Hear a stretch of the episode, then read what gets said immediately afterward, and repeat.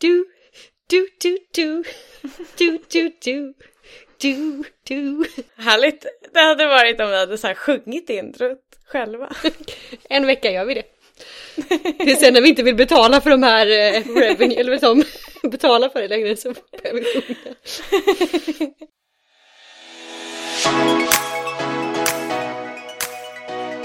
Hej och välkomna till Bakom fasaden med mig Henrietta. Och mig Elsa. Bakom fasaden är din podcast om arkitektur, design och allt däremellan.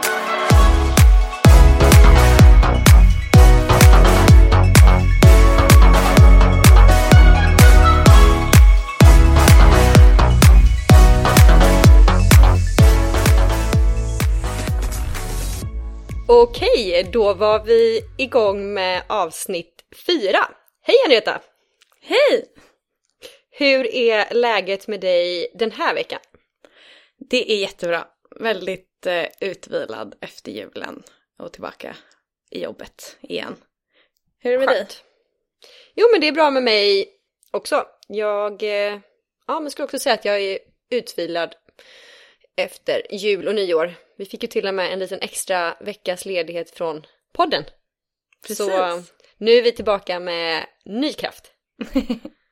Ja men verkligen.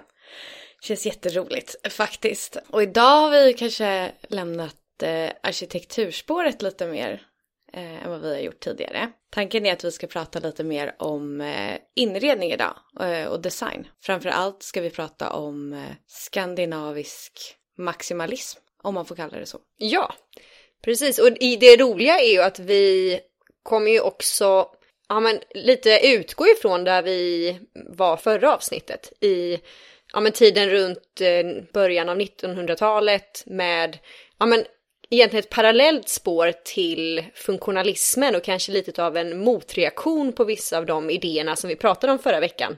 Mm. Med det här mer avskalade och maskinen till hem och så vidare. Så under samma period så kom ju faktiskt en ja, motreaktion är kanske att ta i, men en annan stil som inte riktigt ville vara med på de reglerna. Ja men verkligen. Och jag menar funkisen fick ju som vi sa förra veckan ett starkt liksom grepp om Sverige och den skandinaviska stilen. Och det ser man kanske tydligast idag i, inredning just. Över världen är ju Sverige kända för Ikea och eh, även mycket kanske lyxigare märken men en väldigt avskalad och minimalistisk stil. Ja, och även en väldigt eh, neutral färgskala och Sverige är nog inte generellt kända för att ta ut svängarna så mycket egentligen. Och därför valde vi den här veckan att då försöka prata om några exempel där man faktiskt mer har tagit ut i svängarna och hur det tar sig uttryck i en skandinavisk eller framförallt då svensk kontext. Ja, för egentligen om man pratar om den här mer maximalistiska stilen med mycket färg och mönster och framförallt en väldigt stor blandning av de båda så tror jag många kanske mer tänker på ja, men den brittiska inredningen som ja, men kännetecknas av just den typen av maximalism. Och där kanske vi kommer vara inne och kolla lite grann också, men vi vill ändå fokusera på hur kan den ta sig uttryck då i Sverige. Precis. Så förhoppningsvis ska det här vara lite inspirerande på hur, hur det kan se ut. Ja, men innan vi börjar prata om det här så får vi ju eh, tipsa om, eller påminna om, att vi har ju en Instagram där vi lägger upp bilder på det vi pratar om. Så att gå in på Instagram, gärna innan ni börjar lyssna eller nu, och kolla på bilderna så är det enklare att hänga med i ja, men vad vi pratar om, vad vi diskuterar och ja, få en mer helhetsbild och en visuell upplevelse av podden också. Och kanske bli lite extra inspirerade till vad vi kommer att prata om i avsnittet. Ja, så då kör vi!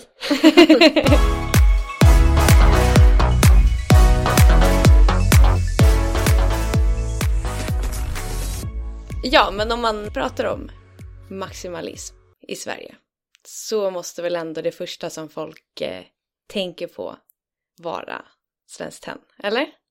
Ja, gud ja, det tror jag absolut. Det är väl det, jag tänkte säga, det är det enda mönstret folk har hemma, eller? Om man har mönster så är det typ dem. Precis, eller någon ish kopia av dem. ja, Och Svenskt Tenn, för de som inte känner till, är ju en inredningsbutik. Ja, det startade ju som en eh, inredningsbutik. Nu kan man väl nästan säga att det är ett, också ett, ett märke. Det började som en butik med tennföremål som sen då sakta men säkert gick vidare till att bli mer och mer möbler och design. Mm. Och ja, men grundaren av Svenskt Tenn är Estrid Eriksson som föddes 1894. Så slutet av 1800-talet och hon startade Svenskt Tenn sedan 1924. Så ja, men precis som vi sa lite i inledningen så är ju det här samma epok som när funkisen gjorde framtåg i Sverige. Mm. Hon hade också en ganska så avskalad stil i början som var ganska funktionalistisk och hon hade också mycket tankarna om även i inredningen att det skulle inte vara massa överflöd, att formen till viss del skulle följa funktionen, att det skulle vara neutrala färgskalor. Men sen i slutet av 1920-talet så började Josef Frank hos Estrid Eriksson, eller de började samarbeta. Och det är ju efter det sen som hon, ja men i gemenskap av Josef Frank ändrade sin stil ganska mycket. Den gick ifrån att vara det här mer neutrala till att ta en ganska så, men nästan en 360-vändning och bli mycket färg, mönster och även föremål. Ja, verkligen.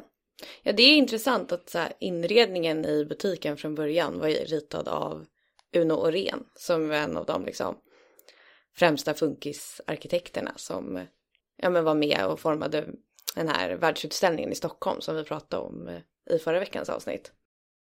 Och sen Estrid Eriksson var ju utbildad teckningslärare. Så att hon hade eh, utbildats på det som kom att bli Konstfack. Det hette inte Konstfack då.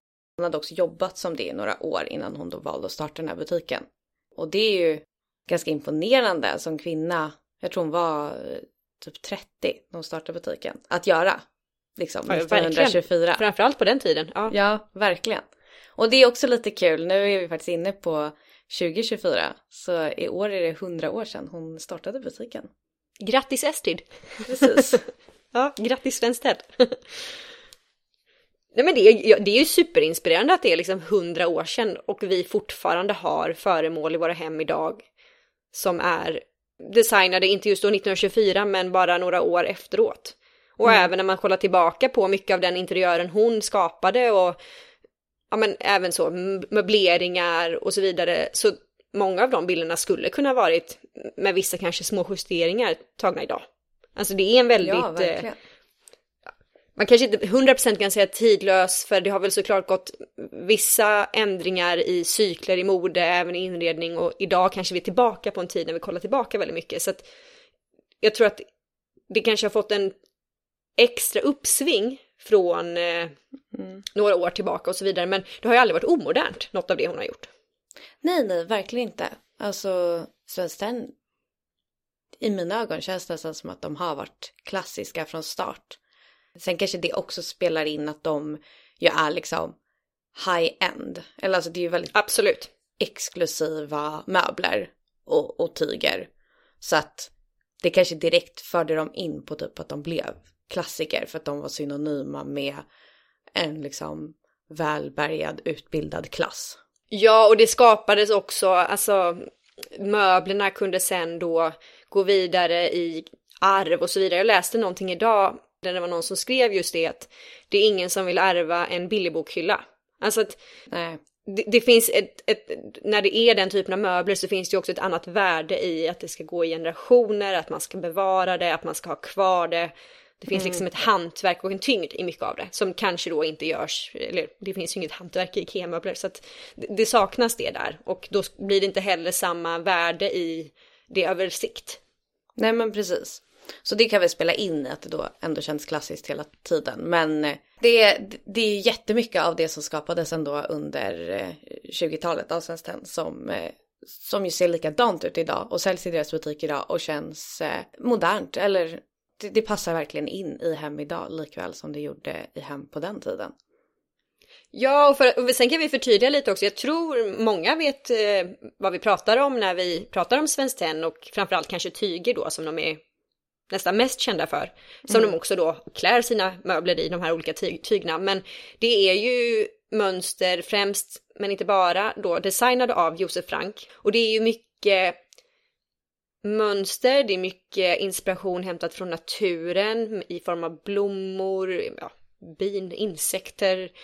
Det är också mycket mycket kontraster i färgerna. Det kan Ja. vara svarta bakgrunder med starkt eh, färgade då, motiv eller det kan vara vita bakgrunder men också det är mycket färg. Det är liksom inga dova nyanser på något sätt utan det är hela tiden eh, kulörthet och kontrast i de här Verkligen. tygerna. Ja. Nej och det, alltså mönstren är ju helt otroliga. Alltså att tänka att han har suttit och ritat upp de här liksom. Det, det visar ju verkligen på ett så här stort intresse för botanik som han dels hade. Där han ritar liksom väldigt vackra växter. Men också en stor eh, kreativitet och fantasirikedom. Hur han liksom väver ihop det och får det till ett mönster som det är klart att det upprepar sig för det gör mönster men det är svårt att se nästan. Ja, alltså det ser ju ut som att det bara fortsätter i all oändlighet. Det är ju fantastiskt, eh, ja men ett fantastiskt hantverk verkligen.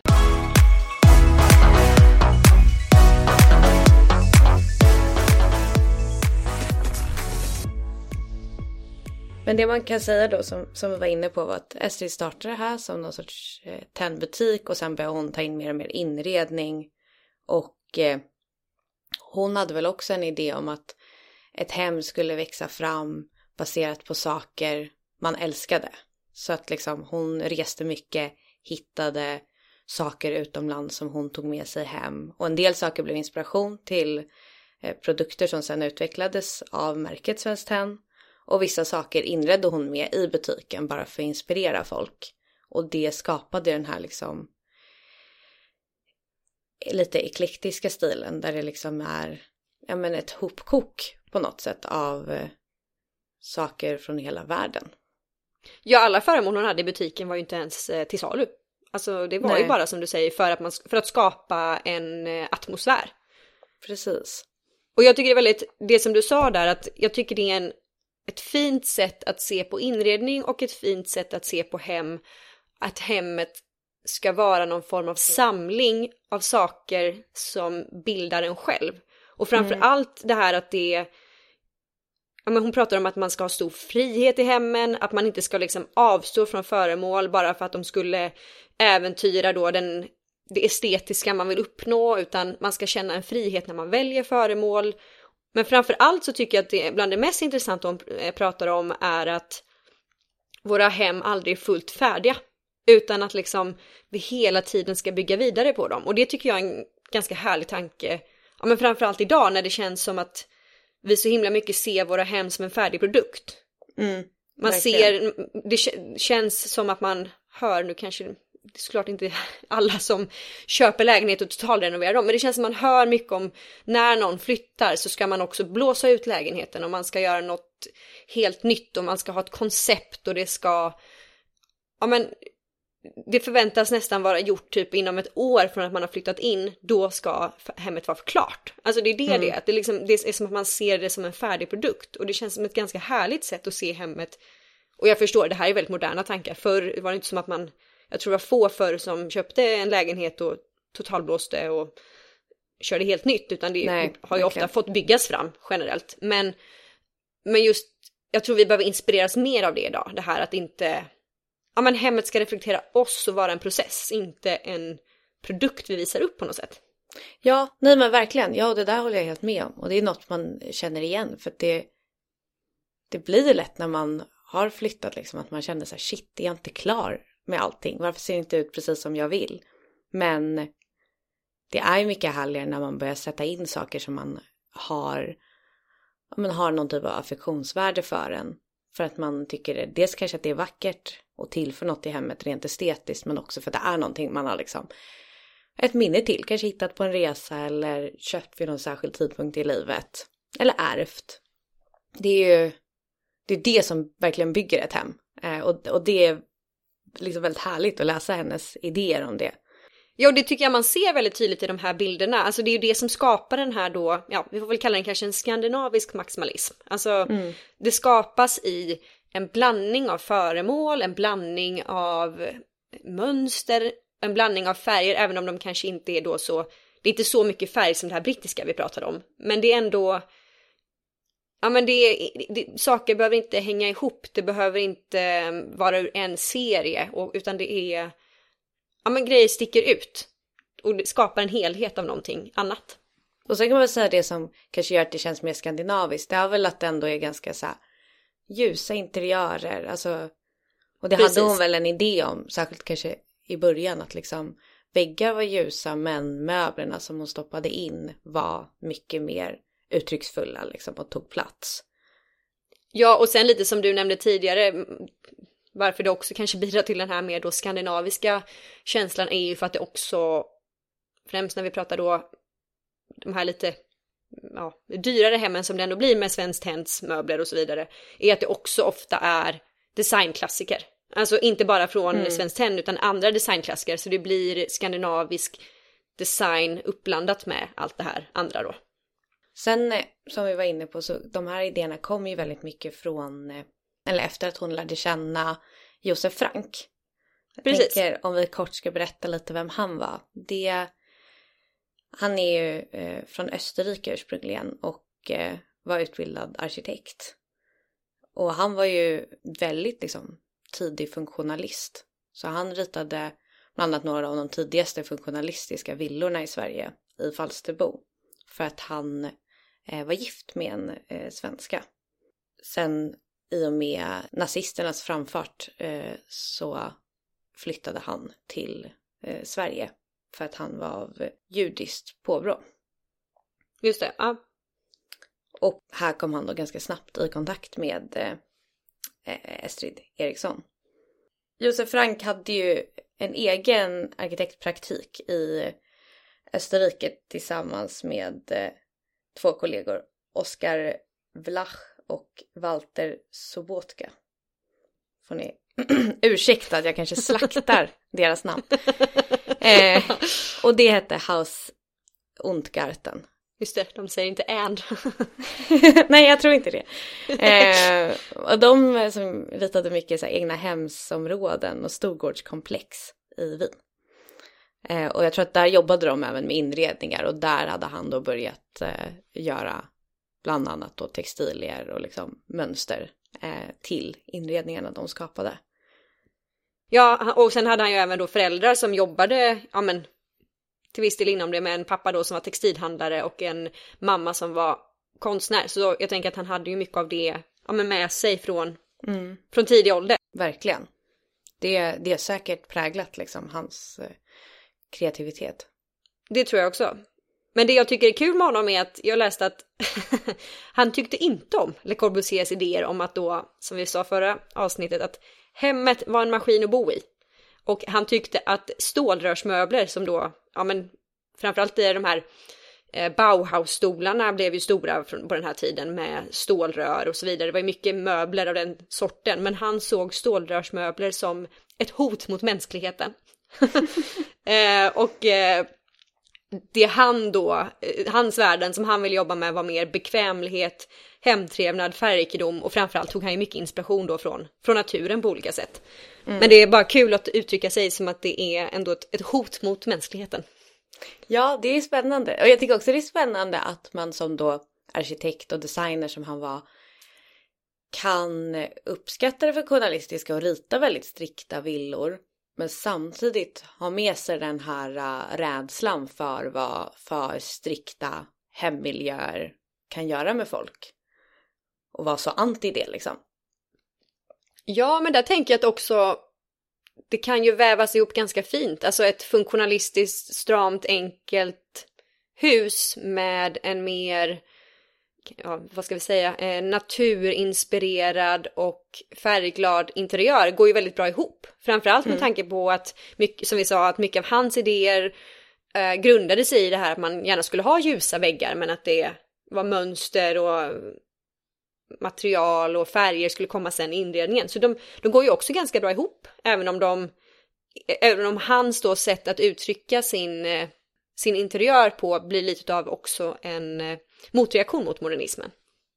Ja men precis, ja och det är väl det man kan se att han har ju den här äh, formsäkerheten i sina möbler och lampor som mm, ja, man kan känna igen att det är lite funkis. Det är kanske det som också gör att det fortfarande idag känns modernt.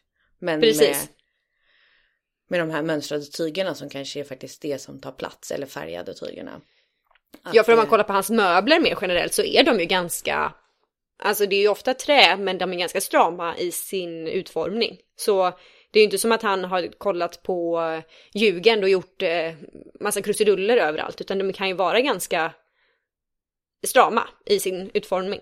Det är ändå enkla linjer liksom. Framförallt tycker jag att de lampor han har designat för Svenskt Tenn har verkligen det uttrycket. Det är som en typ förfinad stålrörsmöbel, eller man ska säga. Alltså det är liksom... Det finns något böljande i hur han jobbar med metallen, men det är lite smickrare och kanske, ja det är inte stålrör, det är oftast typ mässing. Många av hans lampor är ju lampor där man ska ha en liten lampskärm på och då blir det ju de här mönstret kommer in i form av att nästan alla tyger han har gjort går ju att ha på en lampskärm. Precis.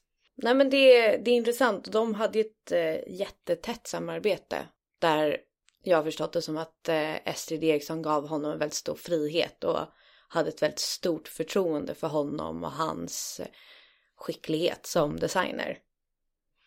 Ja, och han ritade, eller gjorde väl framförallt, alltså otroligt många prints. Alltså han eh, jobbade väl i en ruskig takt när han väl då fick den här friheten och fick det här förtroendet och fick göra alla de här mönstren. Bland annat läste jag någonstans att eh, när Estrid Eriksson fyllde 50 så gav han henne 50 av sina mönster. Vilket ju nästan blir som en bukett blommor typ, eller så här 50 rosor, fast det är då 50 mönster för han ja, men just var inspirerad mycket av eh, växtriket och så vidare. Så det är en väldigt fin present.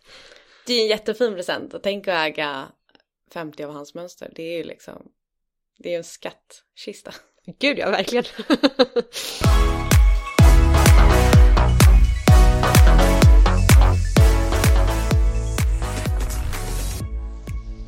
Men om man kollar lite mer samtida då, som Ilse Crawford, som är en brittisk inredare. Så vi kommer tillbaka lite här till Storbritannien eller England som vi pratade om innan, som har Ja, men jag, jag, tycker att hon har ett helt fantastiskt sätt att jobba med inredning på. Och där tycker jag att influenserna som man ändå skulle kunna se då från Svenskt Tenn men också mer generellt det här lite maximalistiska och kanske mer då skandinavisk maximalism är sättet hon jobbar med material, möbler, färger, mönster. För hon har ju absolut inga, oftast inte några så här extrema färger när hon inreder utan det är egentligen ganska dova eh, toner, färger, mycket grått, mycket vitt och mycket grått i olika skalor. Men det finns ändå någon maximalism i att ja, men i helheten. Det är mycket växter, det är mycket föremål och det, jag tycker ofta att det hon lyckas med är det här som Estrid pratar om också, det här personliga. Det känns som att det finns en personlighet i det hon inreder. Ja, och hon får ju verkligen till den här kombinationen av, kanske för att hon är då brittisk inredningsdesigner så att hon har mycket av de här brittiska influenserna. Men att hon kanske är en stramare britt om man säger så, vilket gör att det blir nästan perfekt för den skandinaviska kontexten. Och där har hon ju gjort både eh, restaurang för Mattias Dahlgren på Grand Hotel eh, och sen har hon gjort ett hem som jag kanske skulle säga det hon är mest känd för i Sverige. Ja, det har väl blivit, jag tycker bara, alltså jag har sett den här typ vintern, att det är som att alla influencers har varit på ett hem. Precis. Det har fått en väldig boom. Sen har ju det varit stort och populärt och liksom eh, innan dess, men, men det är verkligen en plats som jag tror ändå ganska många vet om. Och det är ju hon då som har gjort, stått för eh, inredningen och konceptet för det. Precis, och, och det kan man säga, jag tror att det har fått en boom för att Eh, ett hem är då ett litet boutiquehotell i Stockholm som byggdes 2012. Men sen 2022 så byggde de ut det. Så det är liksom en huvudbyggnad som gjordes till hotell 2012 och sen 2022 så började de då göra hotell i huset bredvid som är på andra sidan av en innergård. Just det. Och det här ligger väldigt centralt i Stockholm i ett område som heter Lärkstan som byggdes i eh, slutet av 1800-talet och räknas som ett eh, lite liksom nationalromantiskt arts and crafts inspirerat område. Så det är också byggt med det som var liksom nya ideal för sekelskiftet. Ja, och där tycker jag att man kan se då även, alltså inte bara influenser från som vi pratat om då kanske åt Svenskt, Tenn, Svenskt Tennhållet, kanske inte egentligen att man kan se så tydliga influenser från Svenskt Tenn, det är nog att ta i, men jag menar mer det här då sättet att jobba med personlighet och eh, mönster och maximalism på något sätt. Mm. Men jag tycker det finns ännu tydligare då influenser från Karin och Karl Larsson och deras hem Lilla Hyttnäs. Precis, och bara namnet, ett hem, var ju det Carl Larsson döpte boken han publicerade med målningar från Lilla Hyttnäs. Som ju blev stilbildande ungefär samtidigt faktiskt som det här Lärkstadsområdet byggdes där i slutet av 1800-talet, början av 1900-talet. Jag tänker att det är någonting om att så här, man bygger miljöer i färg och form och med detaljer som gör att ögat hela tiden har någonting att vila på. Precis, det finns ja, men mycket grejer och att de, eh, de sticker ut. Men det måste inte vara sticka ut som att det liksom är något orange. Men alltså det, är, det finns kontraster, mönster och föremål som du säger som tar uppmärksamhet. Mm, verkligen. Och det, det, det bygger väl på att man i grunden är en skicklig liksom, designer eller konstnär som då Karin och Carl Larsson var och som jag tänker att Ilse Crawford är där man liksom lyckas skapa miljöer som hålls ihop trots att det händer jättemycket. Och där kanske det är då en rytm i hur man placerar saker och gör stilleben men också hur man har färgsatt, att man kan ha färger som kontrasterar varandra men man gör det liksom på rätt sätt för man kan sin färglära liksom. Man jobbar kanske med samma svärta eller man jobbar med samma kulörthet, alltså det finns någonting där som, som binder samman även om det är mycket som händer. Mm. Men sen tycker jag faktiskt att det är det här också, alltså det, jo, det är konstigt att säga om ett hotell att det skulle vara personligt, men det känns personligt. Och det är ja. samma med Lilla Hyttnäs, jag menar Carl Larsson han, han målade porträtt av familjemedlemmar på dörrar och väggar hemma. Alltså det är ju personligt om något att ha det hemma. Ja. Så att det, ja men det finns en personlighet. Det är väl exakt det ett hem har varit ute efter, att de vill skapa ett hotell som, som känns personligt för gästerna och känns som ett liksom home away from home. Och då behöver man väva in personliga detaljer och till exempel är det väldigt mycket böcker i bokhyllorna och jag läste någon intervju med hon Jeanette Mix som är eh, ägaren och grundare till hotellet. Att det liksom böckerna ska vara lästa och de ska vara liksom kurerade så att det ska hänga ihop med vad folk som vill bo där vill läsa och att det liksom du ska känna att du kan plocka en bok i bokhyllan. Det är inte bara där som, som inredning liksom. Nej, utan det ska faktiskt finnas någon substans i det och du, du ska faktiskt läsa boken. Inte, ja. Precis, och sen tycker jag att alltså om man vill koppla det till Svenskt Tenn så kollar man på interiörerna, nu har jag själv inte besökt ett hem, men då är det ju små detaljer där som kommer från Svenskt Tenn, många av deras klassiker finns med liksom i eh, interiörerna. Och det kan jag mycket väl tänka mig ändå är ett medvetet drag för att man vill koppla an till det svenska liksom, designarvet. Ja men det tror jag också. Att man eh, vill hedra det land man är i på något sätt. Och jag tror det finns eh, många liksom, brittiska designers som ändå eh, uppskattar den estetiken som, som Svenskt Tenn har och använder det liksom.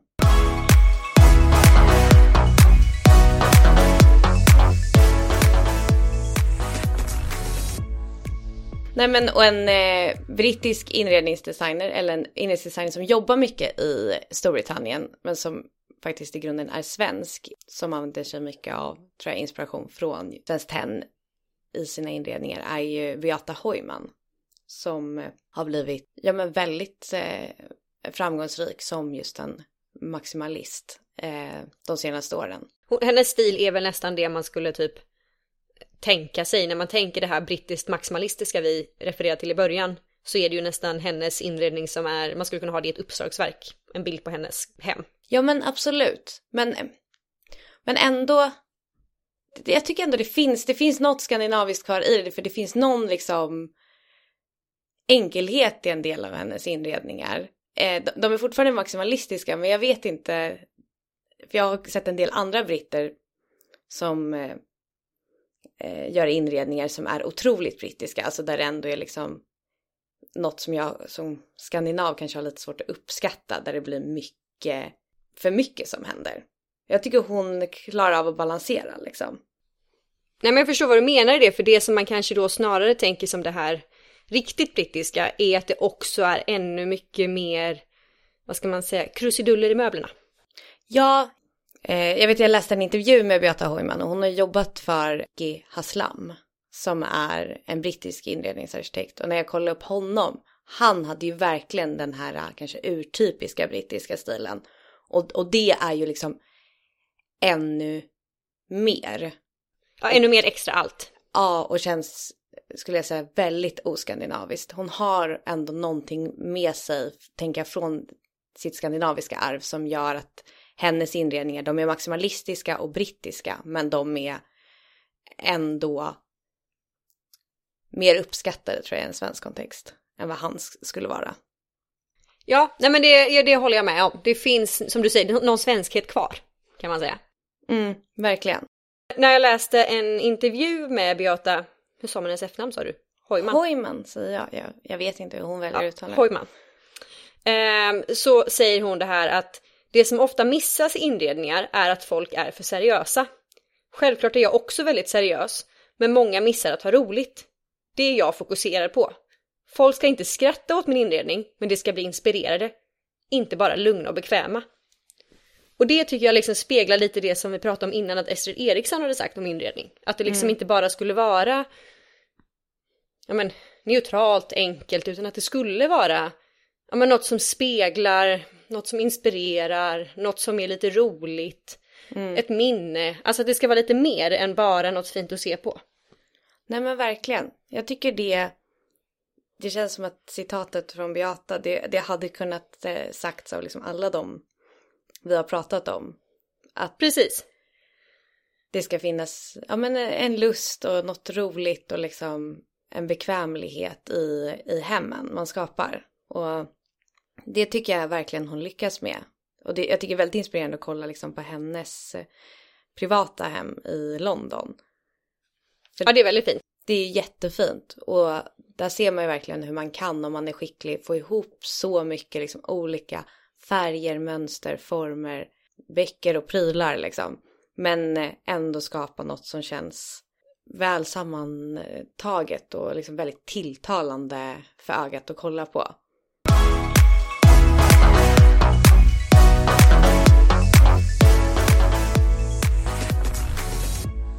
Ja, det är det jag tycker är så otroligt inspirerande med men då Estrid Eriksson, Josef Frank, Ilse och Beata. Alltså att det är just det här som du säger att man lyckas med helheten. Och jag tror att det man måste göra för att lyckas så bra som de gör med helheten är att våga. Mm. Jag tror att det man ofta gör fel själv kanske är att, ja, förutom att de här då är superskickliga på det de gör och eh, liksom är proffs, så tror jag att det man annars också misslyckas med själv är att man inte vågar. Alltså man, mm. man tar det inte tillräckligt långt. Man tänker att okej, okay, men jag kör en mönstrad kudde. Så är det lite, händer det någonting. Men jag tror att liksom, det de är så duktiga på är det här att ta det ett steg, eller inte ens ett, tio steg längre. Och då blir det en helhet. Man tror att det ska bli rörigt, men desto mer man adderar, desto bättre helhet blir det faktiskt. Och det är ju inte bara att addera vad som helst, det är ju som du säger, de är ju skickliga på att jobba med färg, kulörthet, svärta, alltså alla de här grejerna och få, det, få ihop det. Så det är ju inte bara att maximera alla mönster så lyckas man. Men, men det finns ett mod i sättet de använder sig av mönster och så vidare. Och det tycker jag även om vi tittar på eh, Ilse Crawford och ett hem då. För det är ju ett ganska så, alltså som sagt, det är ett ganska grått, alltså det är mycket dova färger. Och många av rummen har också en dov färgskala. Men det finns ett mod i vilken typ av tavlor man väljer eller att det är, det är ofta mycket stora mässingsdetaljer eller det mm. mattorna är inte nödvändigtvis de man kanske hade tänkt skulle varit i det rummet eller alltså det finns alltid någonting som eh, som ger sken av ett mod även i de lite mer neutrala rummen. Nej men verkligen. Nej och jag eh, lyssnade på någon intervju av en inredningsdesigner och jag tror att hon citerade Josef Frank då som hade sagt att så här, om du har en mönstrad sak i ett rum då kommer den upplevas som sjukt mönstrad för den sticker liksom ut. Men får du in mm. fler mönster då blir mönstren mindre påtagliga. Och det är precis ja, det, det du stämmer, säger ja. att så här, när man vågar ta det steget längre och inte bara ha en accentfärg utan faktiskt kombinera den kanske då med fler färger eller nyanser av samma färg så blir helheten också bättre och det blir liksom ett lugnare intryck än om du bara har en accent till något som i övrigt är väldigt minimalistiskt. Ja, och det ser man även då om vi ska gå tillbaka till Karl och Karin Larsson på deras hem. Det är ju hur mycket färg som helst i det. Mm. De, är också, de är också väldigt modiga i färg och kanske inte, det är en del mönster, men inte främst mönster utan då främst i, det är mycket rött, det är mycket blått, det är mycket grönt och ofta väldigt mycket färg i de färgerna. Ja, ja precis. Och, nej, men och det jag tänker med de färgerna är att det blir som en bra liksom, backdrop sen till att Karin väver liksom tiger och bonader som typ inte känns som att de sticker ut så mycket från hemmet i övrigt för att det finns liksom en, en färgsättning i grunden som kompletterar det. Precis. Karin och Carl Larsson, de var ju också, när de eh, inredde sitt hem, det var ju liksom slutet 1800-tal, början 1900-tal och det var ju under tiden som, ja men, både då nationalromantiken eh, blommade i Sverige, men också kanske mer på andra håll i Europa och USA, arts and crafts eh, rörelsen, som också har ju mycket de här, ja men ganska, ja men färgerna återkommer även i det. Men man skulle också kunna kalla den stilen för ganska så feminin. Alltså det finns liksom ögat för detaljer och i att det ska vara det här handgjorda, att det finns ett hantverk bakom och det tycker jag, alltså tittar man på både Beata, Ilse, Svenskt Tenn och Karin och Carl Larsson så tycker jag att alla de andas någon form av femininitet i sina utföranden. Särskilt med de här liksom lite naturinspirerade motiven och jag tänker Karin och Carl Larssons hem där det görs vackra liksom små bårder eh, liksom med taklisterna eller det står skrivet liksom eh, barnens namn med liksom någon sorts kurvitsinspirerade målningar. Det där återfinner man ju också liksom hemma hos Beata i barnens rum där hon har mål, liksom handmålat på väggen. Eh, jag vet inne i ett hem, jag tror i nya delen finns ett så här blått badrum med liksom vita små eh, blommor målade på kaklet liksom. Ja, det finns ju också ett tak eh, i något av rummen där som är, det är väl originaltak gissar jag och som sagt då, som är från den här tiden runt sekel, alltså 1800-talet går över till 1900-talet. Som är, alltså det är helt fantastiskt, det hela taket är ju bara ett enda stort mönster av vad ska man säga, ett bladornamentik. Ja, ja det är ju otroligt vackert. Det är väl också den lyxigaste vindsviten. Låter rimligt. ja, nej men och det är jättevackert och det komplementeras ju väldigt bra med den här inredningen av Ilse som liksom fångar upp det där utan att ta, att ta allt fokus från det liksom.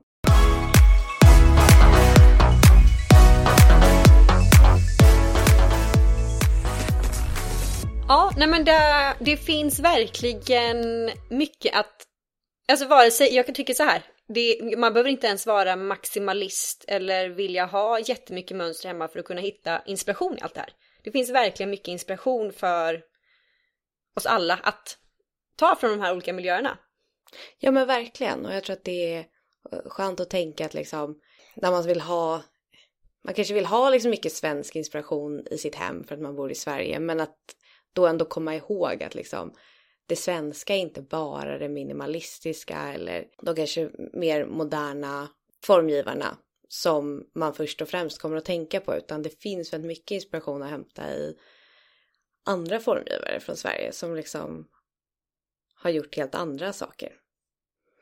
Ja, och jag tycker det jag främst ja, men tar med mig lite extra mycket tror jag efter att ha läst på mer om det här och läst om de här olika inredningsdesignernas idéer och tankar så är det just lekfullheten i att typ inte vara så strikt och våga låta hemmet växa fram, låta det vara personligt, låta, ja men va, ha lite mer, eh, ja men så Beata sa då, roligt bara. Alltså att det ska vara lite mer kul. För det känns som att det i en svensk kontext framförallt kan bli ganska så eh, strikt. Alltså så i hur man inreder och liksom vilka färger och vi ser mycket kanske samma föremål i, i hem och, och det är inget konstigt men då addera det här personliga som en liten touch i det hela.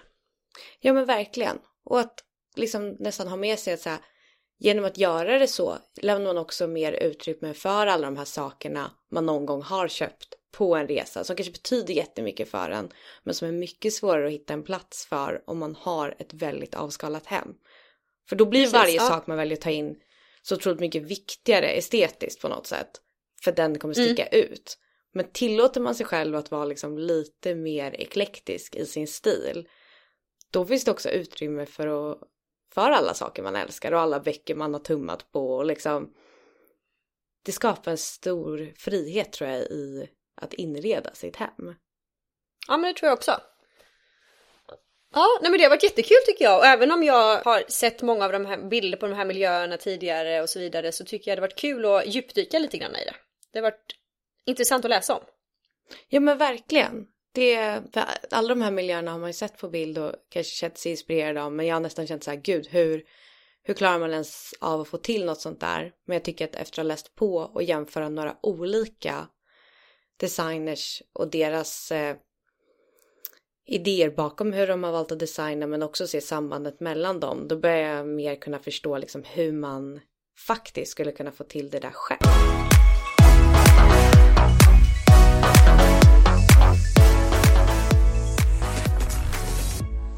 Ja, men om vi ska avsluta det här avsnittet med det klassiska ett litet tips. vad, vad har du att tipsa om den här veckan Henrietta? Ja, eh, mitt tips den här veckan är eh, väldigt tätt kopplat till det vi har pratat om. Jag har nu under julhelgen kollat på eh, Karl och Karl Lars, nej, Karl och Karin Larsson dokumentären på SVT Play. Nej, det är ju mitt tips! det var också som att det skulle vara så originellt tips när det verkligen är det vi har pratat om. Men det är faktiskt mitt tips också. Ja.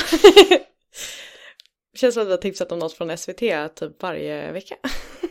Vi är public service bästa PR-agenter.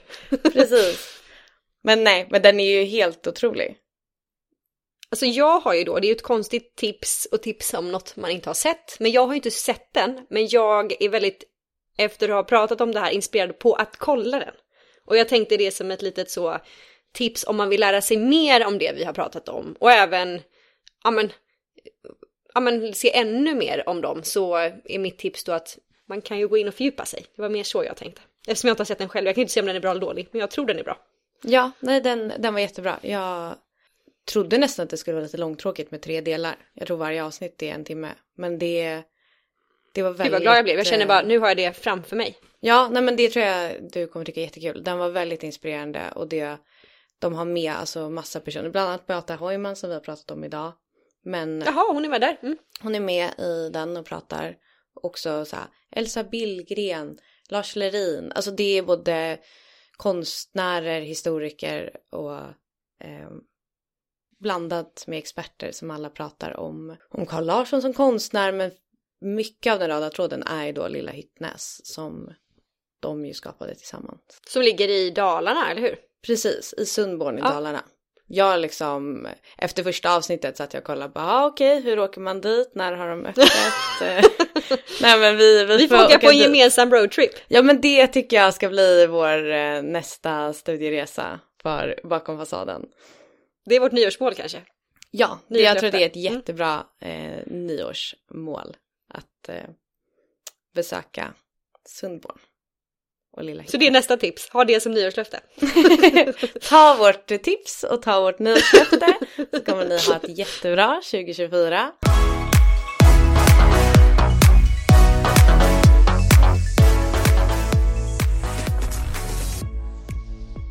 Ja, men då hörs vi om två veckor igen. Precis. Gå gärna in och eh, ge en liten eh, kommentar om ni vill i valfri app. Ja, verkligen. Det vore jättekul att höra vad ni tycker om dagens avsnitt när vi kanske lämnade arkitekturspåret och gick in mer på inredning och design. Precis. Och samma sak som vi sa, det var nog i första avsnittet, men eh, ni får gärna önska ämnen för framtiden också om ni har något ni väldigt gärna vill att vi tar upp. Precis. Det är jättekul för oss att höra vad ni vill höra. Annars får ni ha det så bra. Det får ni ha. Hej hej! Hej då!